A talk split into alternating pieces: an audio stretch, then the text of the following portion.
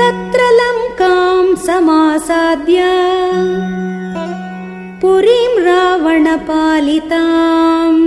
ददर्श सीताम् ध्यायन्तीम् अशोकवनिकाम् गता